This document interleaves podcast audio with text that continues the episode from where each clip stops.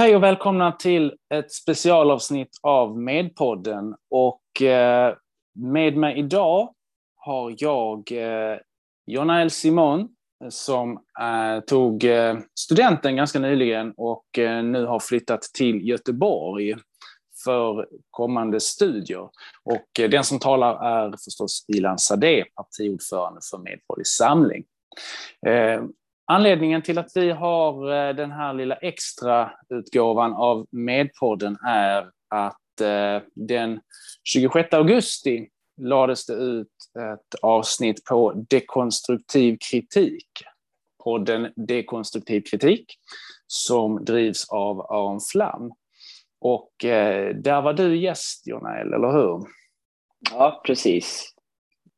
Precis. Och jag kan, eh, det, det, vi ska prata om idag hör ju eh, till det som framkom vid det avsnittet som är från den 26 augusti i år eh, och eh, heter, eh, ska vi se, jag tror att avsnittet heter någonting med eh, Elev versus värdegrunden del 2 med Jonna F. Simon.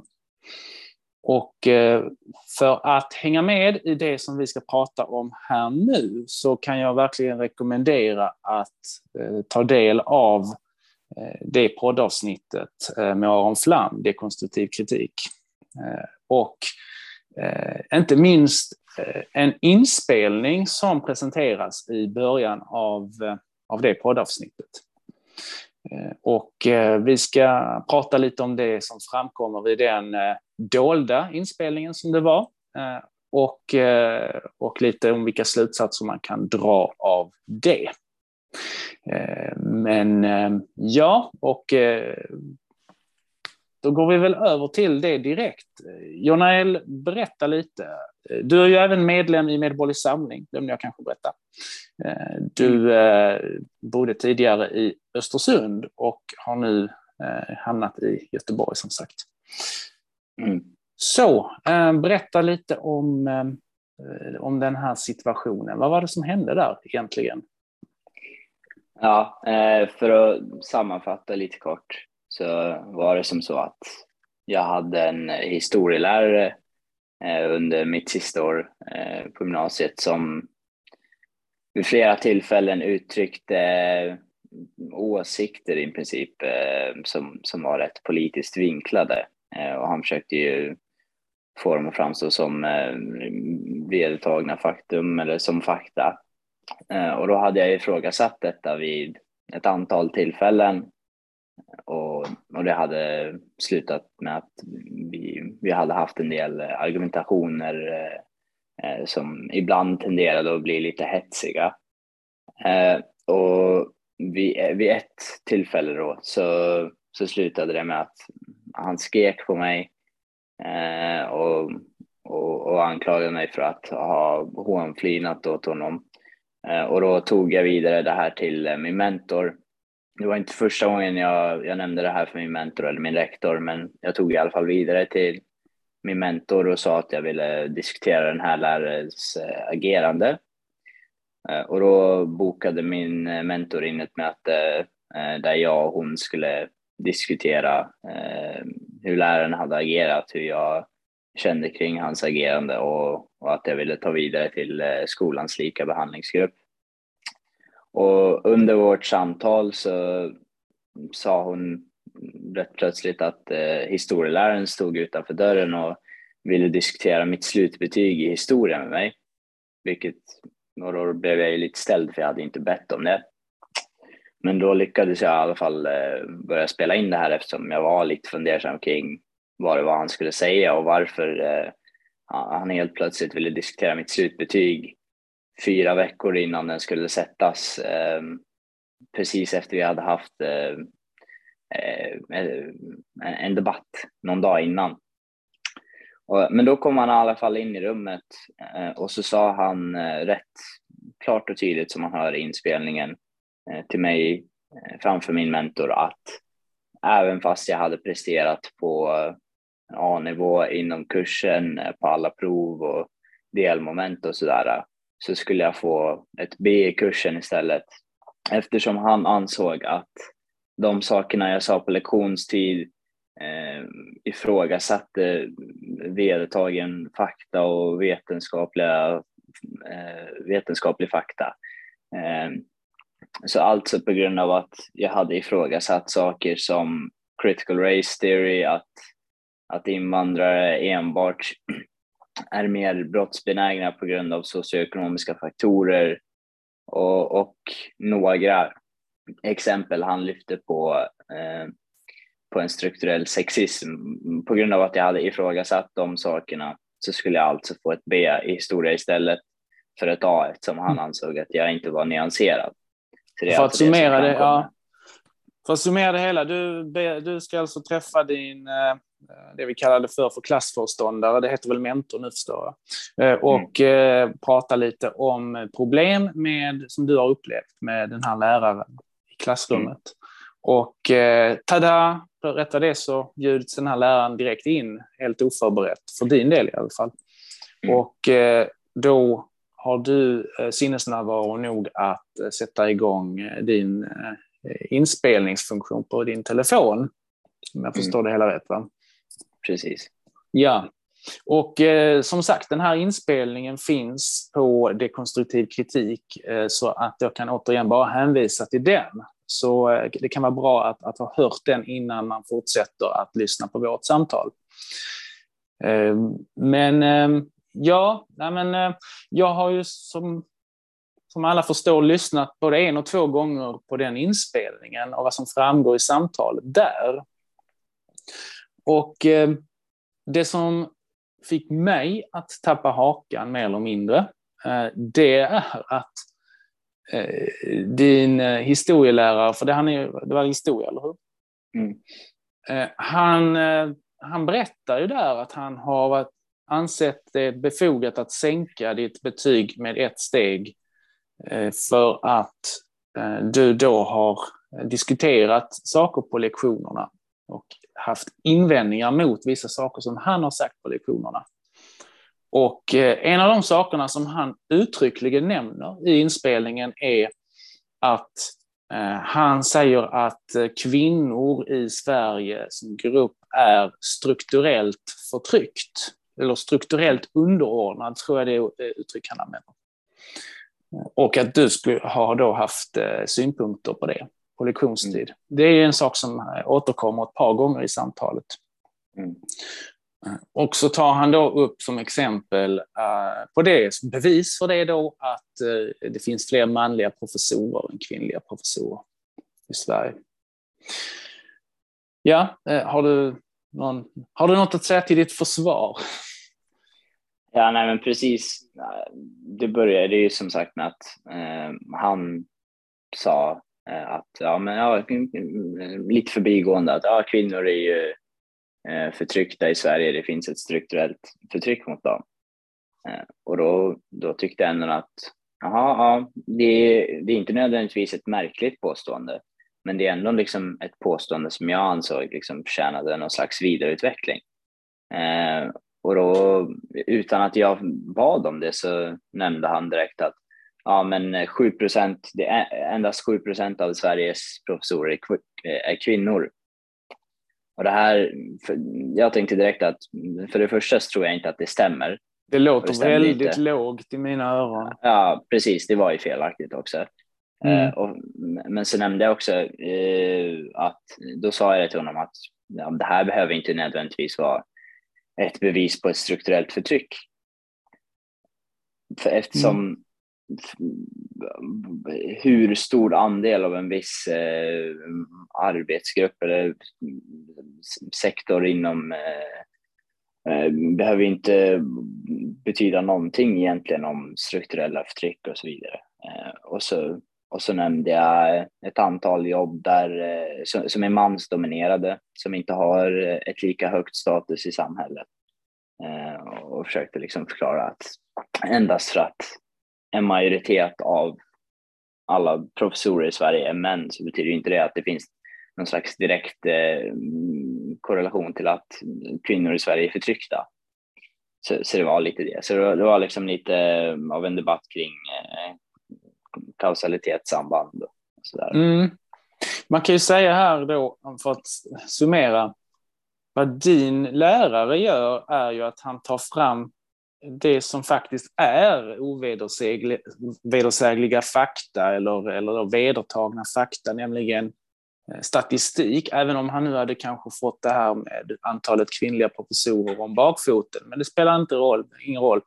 Låt oss bara för samtalets skull anta att, att han har rätt eh, i en, vissa siffror. Så tar han fram det, men sen så kommer ju det, i mitt tycke, det helt oerhörda i det här.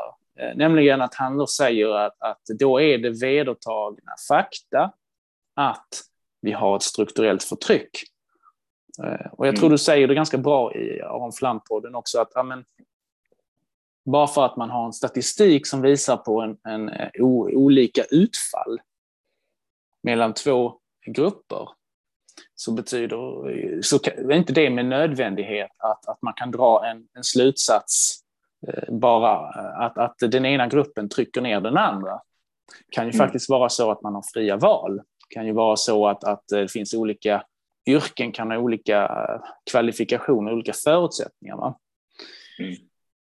Och, och eh, ja, det, det, kommer ju, man kommer ju osökt att tänka på det som kallas för jämställdhetsparadoxen. Jag vet, du kanske har talat om det begreppet, men det är ju det här att eh, i nordiska länder har, ju, har det ju visat sig att eh, vissa sådana här könsstereotypa yrkesval verkar nästan bli ännu vanligare i Norden trots att, att jämställdheten har kommit ganska långt, får man säga, i Norden.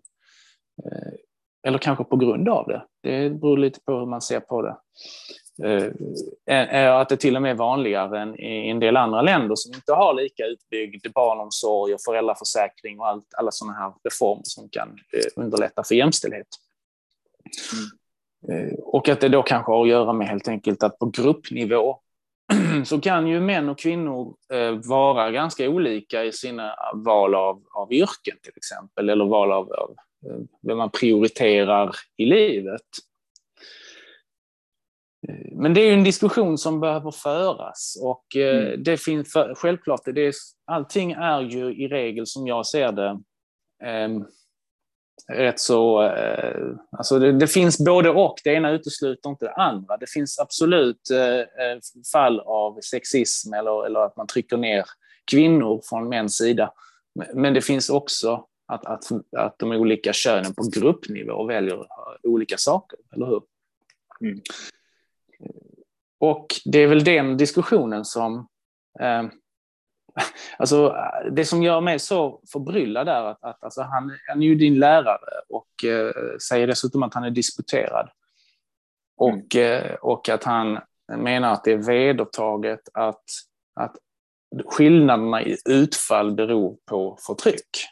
Eller mm. strukturell mm. underordning som man använder som uttryck. Precis, det var ju det som var det var det som liksom var det återkommande problemet under året. Att han nämnde saker som faktiskt var, alltså, som inte gick att diskutera, som exempelvis statistik eh, eller det faktum att vi inte hade haft en kvinnlig statsminister inom eh, Magdalena Andersson. Och sen antar han endast på grund av att han har nämnt något som är vedertaget, att hans slutsats därför blir lika vedertaget, när det inte alls är så den vetenskapliga metoden fungerar. Och det är ju som du säger lite extra förbryllande med tanke på att han har disputerat och är doktorand, så förstår jag inte riktigt hur han tror att det här är liksom eh, en giltig arbetsmetod eller arbetssätt. Mm, mm.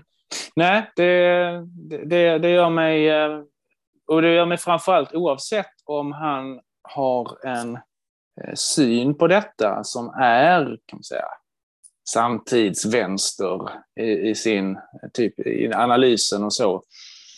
Eh, eller inte, så, så får man ju liksom eh, det, det som jag tycker är den stora skandalen i det här är ju att, att det här påverkar alltså betygssättningen och det säger han uttryckligen. Det här är, det här är vedertagna fakta, det jag säger nu.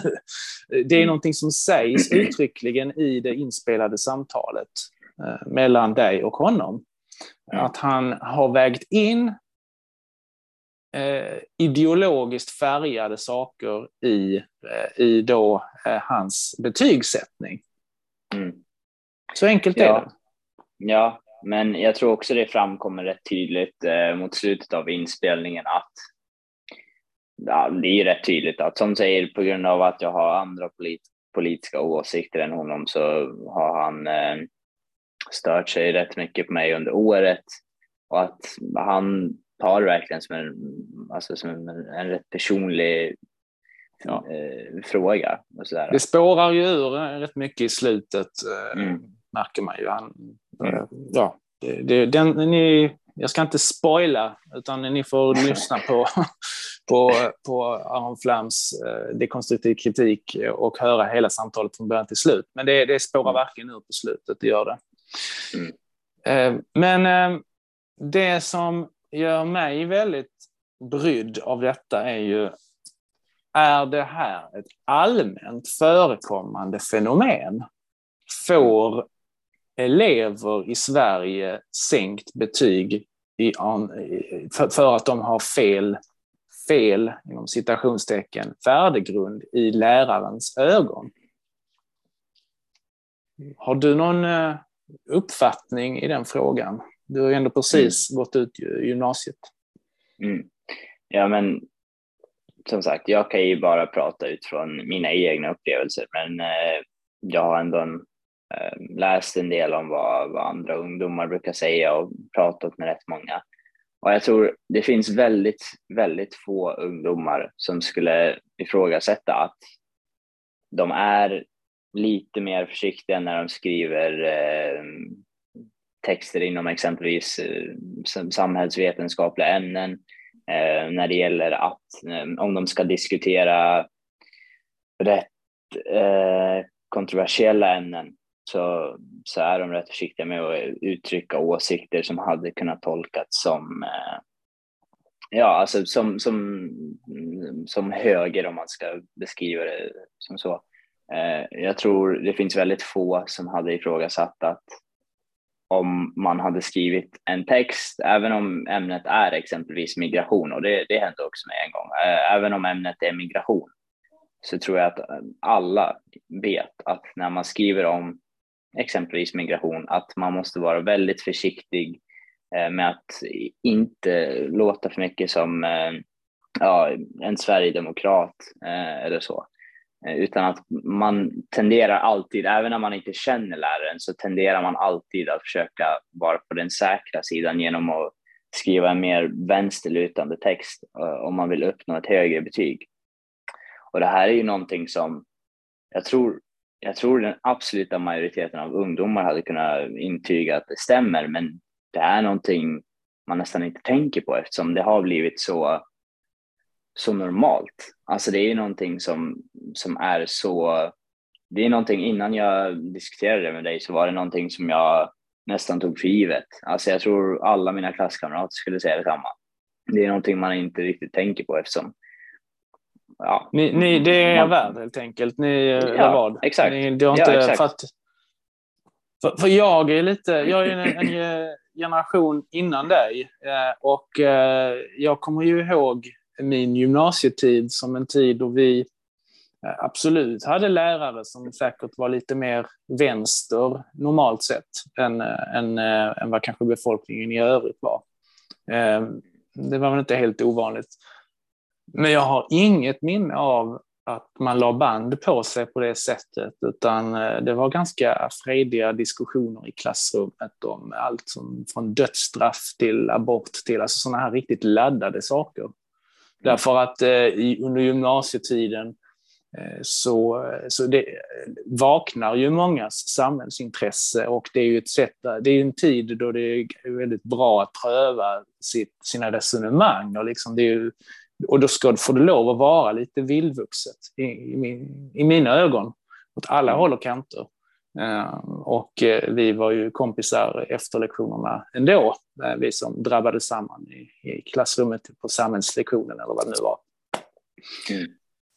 Det är vad jag minns i alla fall. Men det som det du beskriver nu, är det liksom är det en, en jag vet inte, jag, jag, det är därför jag tycker att det här är en sån skandal. Det, borde vara, det här skulle diskuteras på alla eh, första sidor i, i, Sverige, i Sverige, liksom i tidningarna och i tv.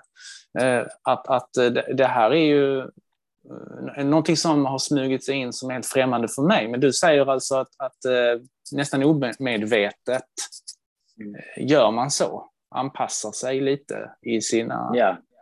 vad man säger och skriver. Mm, precis, och det är det som jag faktiskt eh, jag tycker det är lite kul för att om vi tar exempelvis historiekursen som ett exempel. På lektionstid när han uttrycker åsikter och sådär. Det är då det blir lite svårt för mig att eh, bara hålla tyst och det är därför jag brukade säga att nej men det här stämmer inte och så vidare.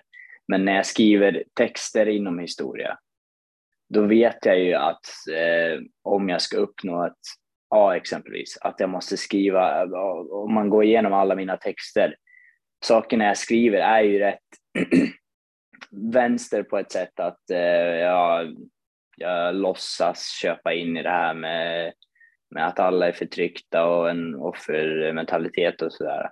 Så det är lite kul att jag faktiskt fick A på de texterna där jag Eh, var rätt vänster. Och det är ett rätt tydligt exempel på att om man skriver texter som, eh, som accepterar lärarens ideologi och man är någorlunda väl artikulerad så, så är det rätt enkelt att uppnå ett A inom eh, de samhällsvetenskapliga ämnena.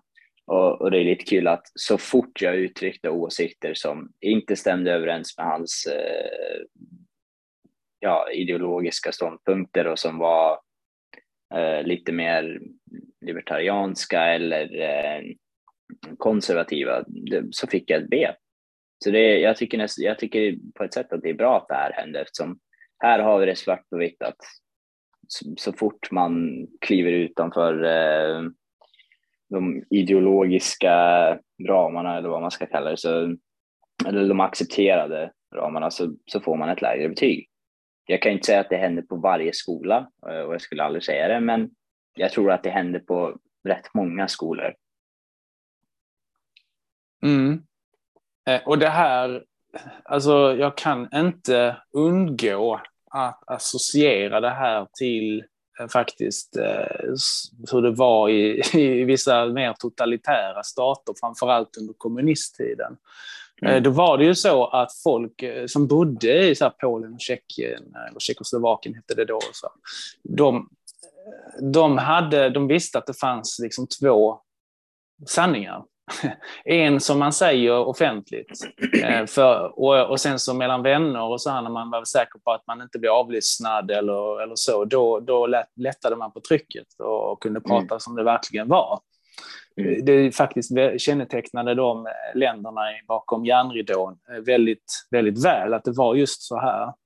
Eh, man visste vilka kodord man skulle använda och att ja, man skulle väl säga att Eh, hur viktigt eh, systemet var och kamratskapen och kommunismen ska segra och allt det där. Men ingen trodde ju på det på riktigt nästan, förutom mm. möjligen eh, DDR gick rätt så hårt in även på befolkningen, bland befolkningen. Men, men, i, men tyskarna går alltid all in liksom. Mm. Vad det än är. Men, men, men i Polen och Tjeckien och Slovakien och Ungern och så var, var det lite mer så där att man man trodde ju inte riktigt på det. Mm. Eh, och, och då, eh, nej, jag likställer inte situationen med hur det var då eh, i, i de länderna. Men det finns drag, det finns paralleller som ändå är oroväckande, mm. tycker jag. För framförallt det du säger, sa till mig här alldeles nyss, att innan, när vi diskuterade det här lite innan för någon vecka sedan, Eh, så eh, väldigt precis, ja. Var, jag kommer från en, nästan från en lite annan liksom, värld där, där det här inte är känt för mig. Och, det, och men det, för din del så kände, verkar det nästan som att ja, men det är så det är. Du har inte reflekterat mm. så mycket över det. Liksom. Mm. Ja, men det tog... Eh, det, det var lite främmande för mig också när jag flyttade till Sverige. Jag är inte född i Sverige. Var var du född någonstans? Jag är född i Eritrea Eh, men jag växte upp i Uganda för min mamma eh, jobbar för FN Och då gick jag på en eh, internationell skola med amerikanska. När, när, aha, när, när kom du hit? Eh, 2012, för ja, tio år sedan eh, ungefär. Talade ni, hade ni någon svenska där då eller? Nej, nej, nej det du talar jämtländska nu typ, så att eh, du, du har, ja, det, det är fantastiskt. Hur som helst, ja, fortsätt. Ja, nej, men ja, även om jag var rätt ung så på skolan jag gick på eh, så hade vi ju amerikanska och brittiska lärare och de var ju väldigt måna om att att man alltid ska försöka diskutera saker eh, för att lära sig att man ska ifrågasätta och ständigt diskutera. Så när jag flyttade hit när jag var åtta eh, så, ham, så, så, var det ju, så skedde, hände det rätt ofta att eh, en lärare kunde säga något som jag tyckte lät lite märkligt och så fick jag en tillrättavisning och sådär. Eh, och så man, man, ser det faktiskt på mina betyg att ju, ju, ju, ju längre jag, jag, jag, bodde i Sverige och ju mer jag indoktrinerades in i systemet så så, så går ju mina betyg upp när jag lär mig eh, att skriva texter eh, som, som läraren kommer att godta liksom, ideologiskt. Så det är lite sorgligt. På ett Koderna, de där kulturella koderna, ja precis, ja, det där som inte exakt. står skrivet någonstans. Och det är ju en grej som många invandrare brottas med. Sverige är fullt av, av eh, små eh, outsagda koder till höger och vänster medan många kulturer runt om i världen är betydligt mer direkta. Eh, jag har ju mm. också eh, lite så här tvåkulturell, jag är född i Israel och det är en väldigt, det är, det är en, det finns många likheter men också skillnader. Skillnaden, den största skillnaden är att det är en nästan brutalt direkt kultur. Liksom, man säger rakt ut vad man tycker. Och det slår gnistor om det ibland men man blir ju inte mm. dödsfiender för det. Liksom. Nej, precis. Men ja, jag tycker att det är ett sundare sätt att agera. Eh, ja, jo. Det är klart, Sverige, att, ja. Ja, Sverige är Sverige. Sverige är en samförståndskultur på gott och på ont. Det finns goda mm. sidor av det också. Vi har väldigt stor tillit till varandra mm. i Sverige och sådär. Mm. Det, det, så det, det, är väl så. Men eh, vi har, mm. det, är det folk som, som eh, vi har det folk vi har. Eh, men det som är viktigt i ett sådant sammanhang är förstås att det finns lite motkrafter inom, inom utbildningsväsende, akademi, vad det än är. Vi, vi, vi känner till våra svagheter det är lite följa John och vara lite försiktig och, och kolla vad andra tycker. Och mm. att man då kanske måste eh, verkligen se till att inte oliktänkare blir, eh, blir förtryckta, apropå strukturella förtryck. Mm. Ja, nej, exakt. Mm. Um, men uh, ja, vad, om nu svaret är, det är kanske många som lyssnar på det här kan, kan få gärna höra av sig till, eh, till Medborgerlig Samling eller till mig personligen. Eh, för jag tycker det här är helt jäkla oerhört egentligen. Det här handlar ju om myndighetsutövning. Det är inte vad som mm. helst. Det mm. handlar om, om uh, ungas framtid. Mm. Uh, nu förstår jag att i ditt fall kanske det tack och lov inte den här sänkningen kommer ha en jättestor betydelse för vad du kommer att kunna eh, välja när det gäller högskoleutbildning och så. Men, mm. men, eh, men det kan ju ha betydelse för, för många. Och det, mm. det, här är, så det, jag tycker det, det här är en fruktansvärd sak. Jag, och jag, vi måste faktiskt borra i det här på, på ett, eh, verkligen på riksnivå. Har du några funderingar på vad man kan göra egentligen? Ja, nej men eh, för att förstärka din poäng lite grann, eller för att alla ska förstå. Eh, det här är ju verkligen inte en individuell lärare som har som bestämt sig för att sänka mitt betyg, utan det här togs ju vidare till rektor och det här togs ju vidare till eh, flera arbetsgrupper och de skulle kalla in neutrala betygsättare och sådär. Men, men ingenting hände och, och de hade ju absolut ingen liksom, vilja att förändra på det. Så det är verkligen, det här är ett djuprotat problem. Och jag tror att det finns en rätt enkel lösning. Eh, nu är jag ju såklart, jag har inte eh, forskat inom eh, eh, metodik och sådär, så jag kan inte säga att det, det skulle garanterat fungera, men jag tror att Och det här tror jag också skulle kunna åtgärda problemet kring eh, friskolor och, och betygsinflation som många klagar på.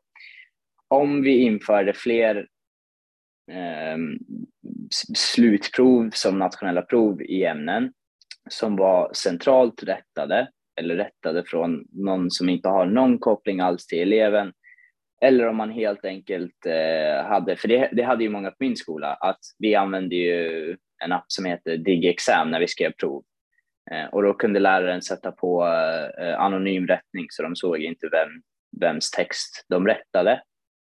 Om man införde det och sa att ja, men, provet man får, eller betyget man får på provet, det blir helt enkelt slutbetyget så att det inte blir något av det här kring eh, ja, hur ofta du räcker upp handen eller hur ofta du hälsar på läraren i korridoren och sådär, utan att det blir ett genuint rättvist betyg.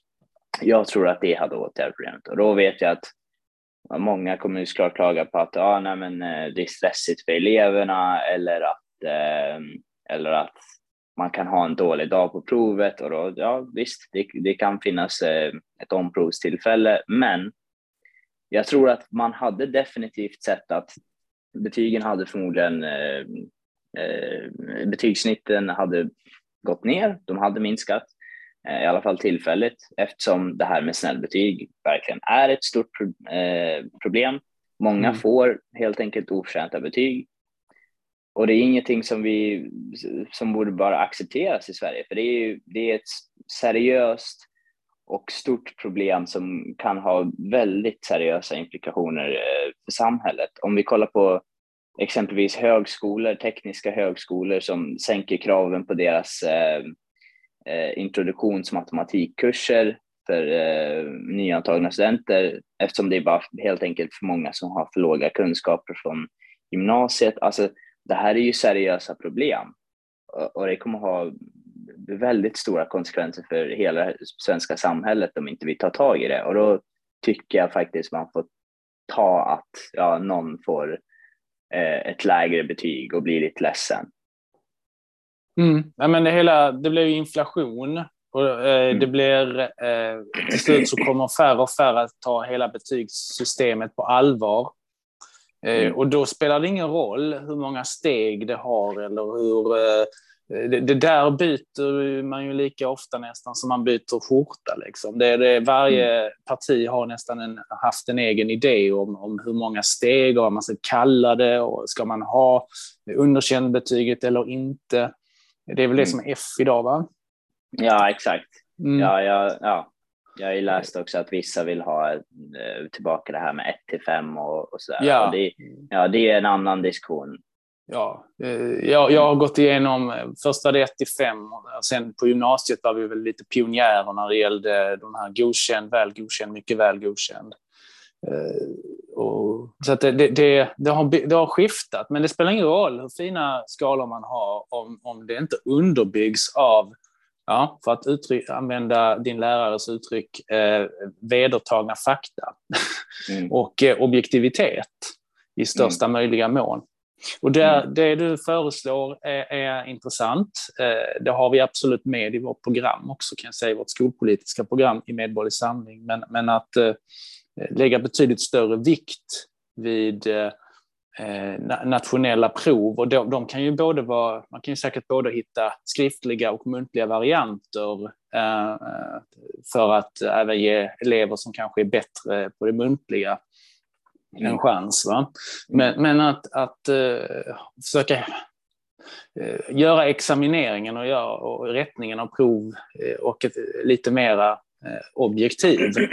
I alla fall de som har betygspåverkan. Mm. Sen är det alltid ett, att vara lärare i ett hantverk och det, det är jätteviktigt att, att en lärare själv också kan eh, liksom, hantera och rätta prov och hela den biten. Eh, men men, men det, det här är ju, verkar ju vara ett, ett allvarligt problem. Eh, det är som du sa, det, det, här handlar om myndighetsutövning, det handlar om, om unga människors framtid. Mm. Och eh, man ska inte kunna Eh, eh, göra på det här sättet. Nej. Tänker jag. Så att eh, den biten, sen undrar jag om inte man behöver ha nästan någon slags sanningskommission eller liknande här, alltså för att gå igenom eh, och utreda hur, hur det ser ut i våra skolor idag och forska på det här området. För det, som jag sa, jag, jag, jag är bestört över att, att eh, man hör, att höra detta och det är dokumenterat genom den inspelning som du har, eh, att det är så man resonerar. Sen är han inne lite på också ordningsfrågor också. Han menar ju att du skulle ha eh, ja, varit lite elak på, i klassrummet eller någonting. Men, men det, det är ju liksom saker som, återigen, jag, jag, i min värld så är det en, en, fråga som får hanteras för sig. Det är väl inte mm. egentligen det som avgör om man är kunnig i ämnet eller inte, utan det får ju tas Nej. som en disciplinfråga om det är så att, man, att, att, att eh, det skulle vara förekommit. Va? Mm, precis. Mm. Utan att spoila för lyssnarna. Han säger ju i, han säger i inspelningen att, ja, men, eh, att jag har orsakat liksom, eh, stora ordningsproblem och att det har varit ett problem under hela året. Att, eh, ja, jag vill inte avslöja, för han, han använder ju rätt roliga formuleringar, så jag vill inte mm. spoila det för lyssnarna. Jag tycker det är, det är rätt underhållande att lyssna på. Men han uttrycker att han verkligen känner sig eh, mm. kränkt. Eh, men då är det viktigt att notera att absolut inga anmälningar gjordes till min mentor, till min rektor. Ingenting sades till mig, utan det var bara jag som tog det till min mentor och rektor eh, vid flera tillfällen under året. Men det är som sagt, ja, det är en ordningsfråga. Okej, okay. nu ska jag i objektivitetens namn säga att nu är inte han här, så att han kan inte försvara nej, sig. Det är, det är sant. Det är sant. men, eh, nej, nej, det var lite skämt. Men, men, men i alla fall, eh, det, eh, det, det, det som är allvarligt är, som jag sa, att, att det verkar ju nästan spilt, ha spilt över också i bedömningen, i den sakliga bedömningen. Alltså. Mm. Men, men det är inte det som, det kan man nästan mer spekulera i. Utan det som är, är riktigt illa är ju att eh, det ideologiska resonemangen eh, som han för kring varför mm. det kanske är olika utfall på professornivå mellan grupperna män och kvinnor, i hur många mm. det finns, vad, vad, vad det egentligen beror på. Vilket ju är en mm. fråga som måste vara öppen för, för eh, diskussion och kritisk granskning från alla håll och kanter. Mm. Ja, mm. exakt men som du säger, det här, det här är ett stort problem och jag tror man också måste försöka kolla på själva lärarutbildningen. Alltså, mm. För det är uppenbarligen någonting som ja, har gått snett, snett höll jag på att säga. Men det är, det är lite märkligt att så många lärare, och jag tror många kan intyga att det är såklart inte alla lärare, men så många lärare är liksom eh, socialdemokrater eller vänsterpartister eller miljöpartister. Och jag tror majoriteten av dem agerar inte som den här läraren, eh, vilket är tur, utan de flesta är ju normala individer. Men det är ju rätt märkligt att så många i en så betydelsefull grupp eh, har en så eh, homogen liksom, eh, politisk eh, ideologi och sådär. Och det är, ja, jag tror man måste nästan ifrågasätta, ifrågasätta varför det är så försöka kolla på vad det är som sig ut. Ja. Förr var, sa man att lärare ofta var folkpartister, alltså liberalerna. Mm. Men det mm. kanske har minskat lite eh, till mm. förmån för vänstersidan. Ja, nej, jag tänker på journalister också. Där är vissa mm. yrkesgrupper som, eh, som, där det verkar finnas en, en världsbild som är väldigt eh, vänsterinriktad och vänsteranstruken. Och det mm. blir ett problem i skolan när man då är myndighetsutövare. Mm. Ja, och då är det inte så konstigt att nu, ja, jag, jag, tror utifrån forskning och personliga upplevelser att den genomsnittliga tjejen är eh, bättre eh, i skolan än den genomsnittliga killen. Jag tror de lägger ner mer tid och är mer engagerade och därav förtjänar högre betyg. Men jag tror att det inte går att ignorera heller att om man kollar på killars politiska eh, åsikter så tenderar ju de att rösta på Sverigedemokraterna och Moderaterna i första hand. Och då måste man ju ifrågasätta om det har någon inverkan på betyget, i alla fall i ämnen som historia eller samhällsvetenskap. Ja, eh, tyvärr kanske man kan säga så, så är ju eh, könsskillnaderna också när det gäller hur man röstar. I synnerhet bland yngre väljare.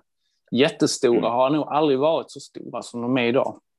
Mm. Där i, i, korta drag, liksom, i, i, män drar åt höger och kvinnor åt vänster. Mm. Och eh, ja, det märker jag också lite bland när man tittar på våra väljare och, och sympatisörer. Att det är framförallt bland de yngre. Så att vi väntar på er unga kvinnor. Eh, ni behövs också. Eh, och, eh, och, och de vi har är ofta fantastiska i, i vårt parti. Mm. Ja, Nej, men, mm. ja, som säger, det är, ja, det är ett stort problem. Vi mm. får en generation av unga killar som känner sig förtryckta i skolan. Och det kan ju, vi har ju sett eh, i historien att det kan leda till dåliga saker. Inte nödvändigtvis just för att de är förtryckta i skolan, men att det kan leda till att de känner sig förtryckta i samhället överlag. Eh, och att de kanske därav reagerar på ett sätt som mm. inte är så positivt för samhället. Så det är verkligen någonting vi måste ta tag i.